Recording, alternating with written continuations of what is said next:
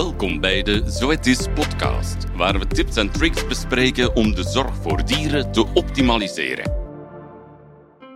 Welkom op de Zoetis videocast voor paarden. Ik ben Sofie de Keersmaker en ik heb hier vandaag uh, opnieuw twee gasten in mijn studio. Thomas Geurden en Marco de Bruin. Thomas is dierenarts, maar is ook een uh, Europees specialist in parasitologie en werkt bij Zoetis als senior director van onze research and development afdeling. En Marco werkt als dierenarts bij paardenkliniek Wolvega en is bovendien ook een Europees specialist in inwendige ziekten bij het paard. De bedoeling van vandaag is om een beetje dieper in te gaan over het ontwormen van paarden.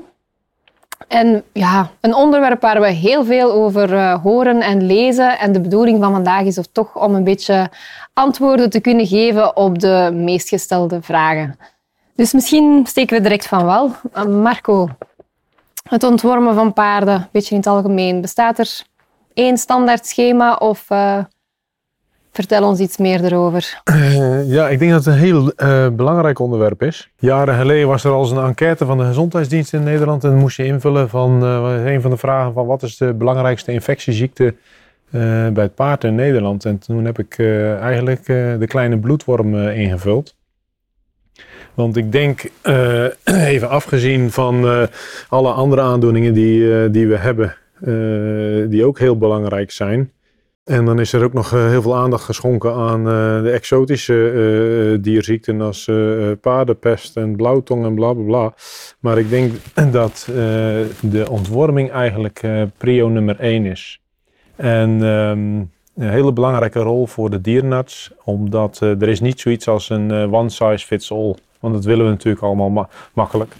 Ook in de dierenartspraktijk willen we dat wel.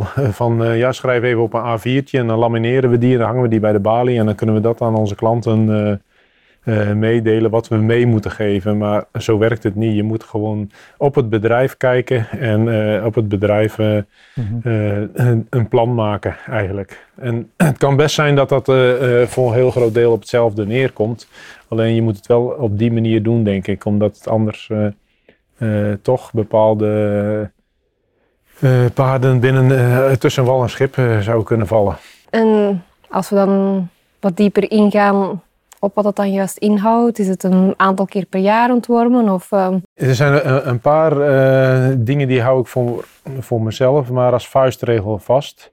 Ehm, eerst is natuurlijk het voorjaar. Eh, paarden hebben eh, een eh, langere periode op stal gestaan. Voorjaar komt eraan, er komt een moment dat ze naar buiten gaan. dat is ook een moment dat de kleine bloedworm wakker geworden is in de darm en de blinde darm van, van, van het paard. Dus dat zou een goed moment zijn om dan een ontworming in te stellen.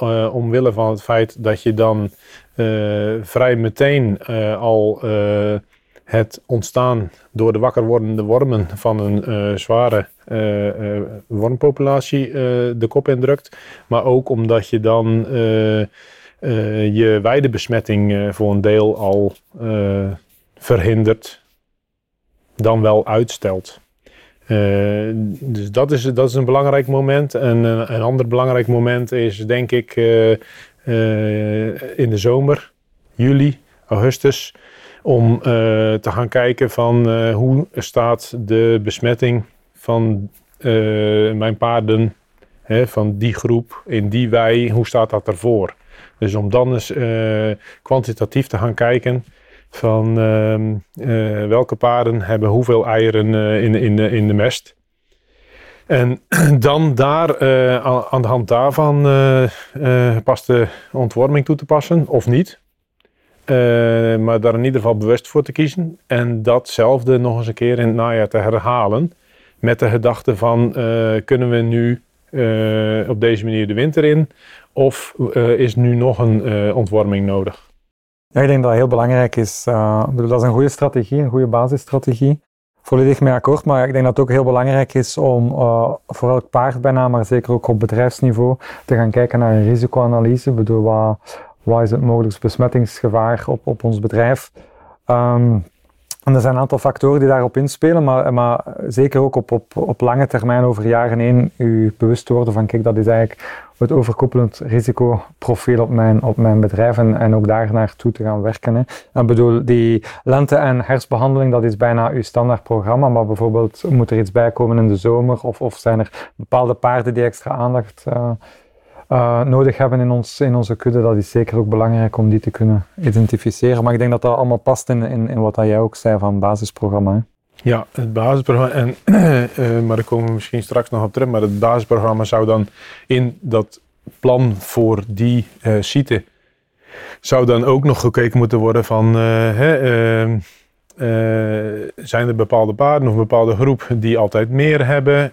hoe zit het met mijn weidebesmetting? Kan ik iets met mijn weidemanagement doen?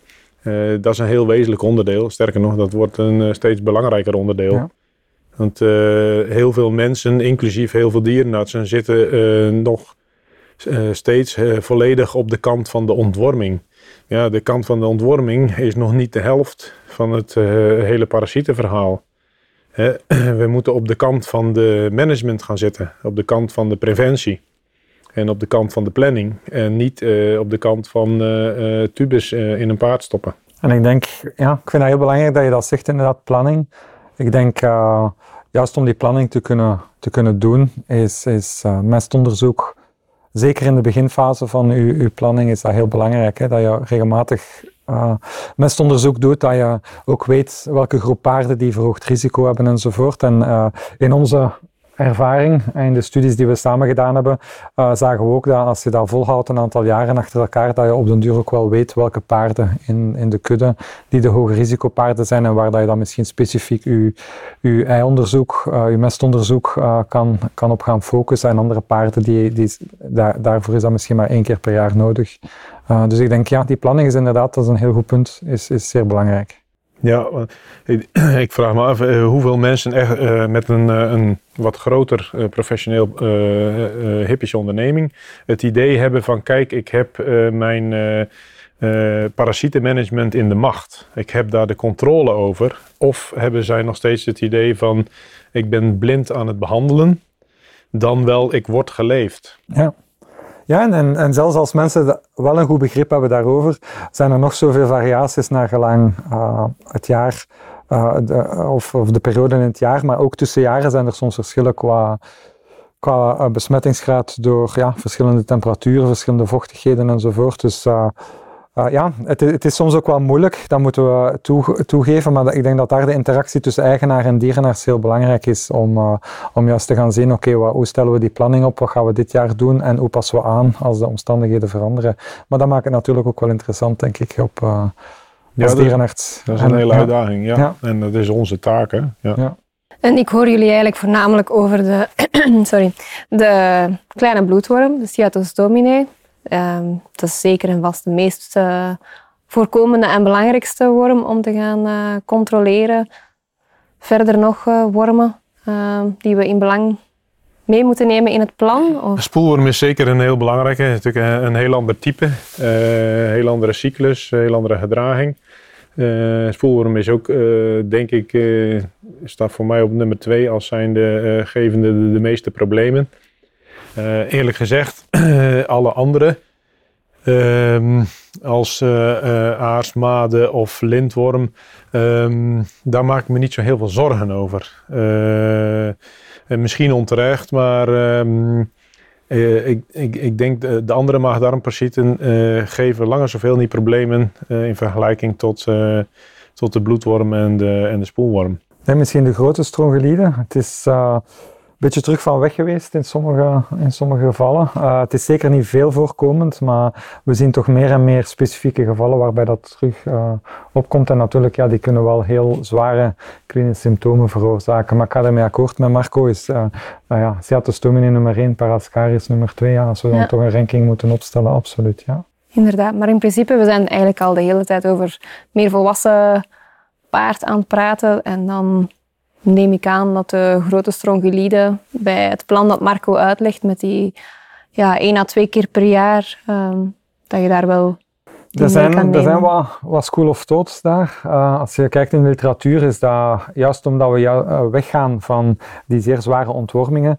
Zie je bijvoorbeeld in Denemarken, eh, wa- was er wat ehm, concern, was er wat ja, onrust over, ja, komt, die, komt die grote stroomgelieden nu terug? Eh, juist omdat het aantal ontwormingen een beetje naar omlaag gaat. Dus het blijft wel belangrijk, eh, zoals Marco ook aangaf, om dat op te volgen, maar ook om, om op ge- gepaste tijdstippen te blijven ontwormen om die infectiedruk naar omlaag te gaan halen. En eigenlijk wat dat je doet voor kleine stroomgelieden, voor de Ciatostomine, eh, is, is ja, ook, ook wel goed om, om die infectiedruk voor de grote naar omlaag te halen. En als we die wijde druk, wijde infectiedruk laag kunnen houden, dan, dan zitten we goed. Ja, lijkt mij heel duidelijk zo. Hè? Want we kunnen inderdaad geen eh, paard dat eh, met twee andere compagnons op een enorme wei loopt vergelijken met eh, de paarden die eh, op pensioenstallen staan en op hele kleine stukjes.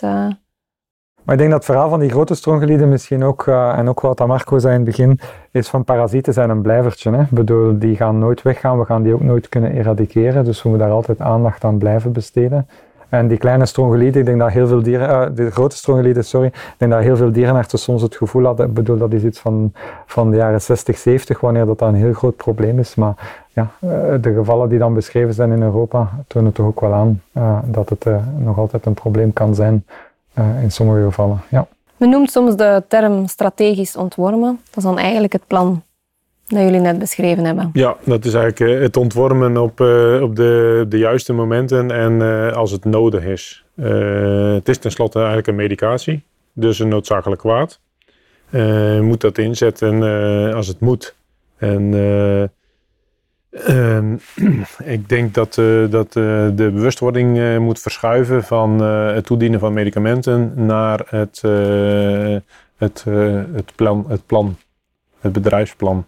Ontwormen op het juiste moment, maar ik vermoed dan ook mestonderzoek op het juiste moment. Heel belangrijk. En eh, hoe heet het, eh, in dat kader ehm, eh, heb ik me wel zo af en toe een beetje zorgen gemaakt. Want het, het is goed dat het heel populair geworden is, maar nu gaan heel veel mensen het doen.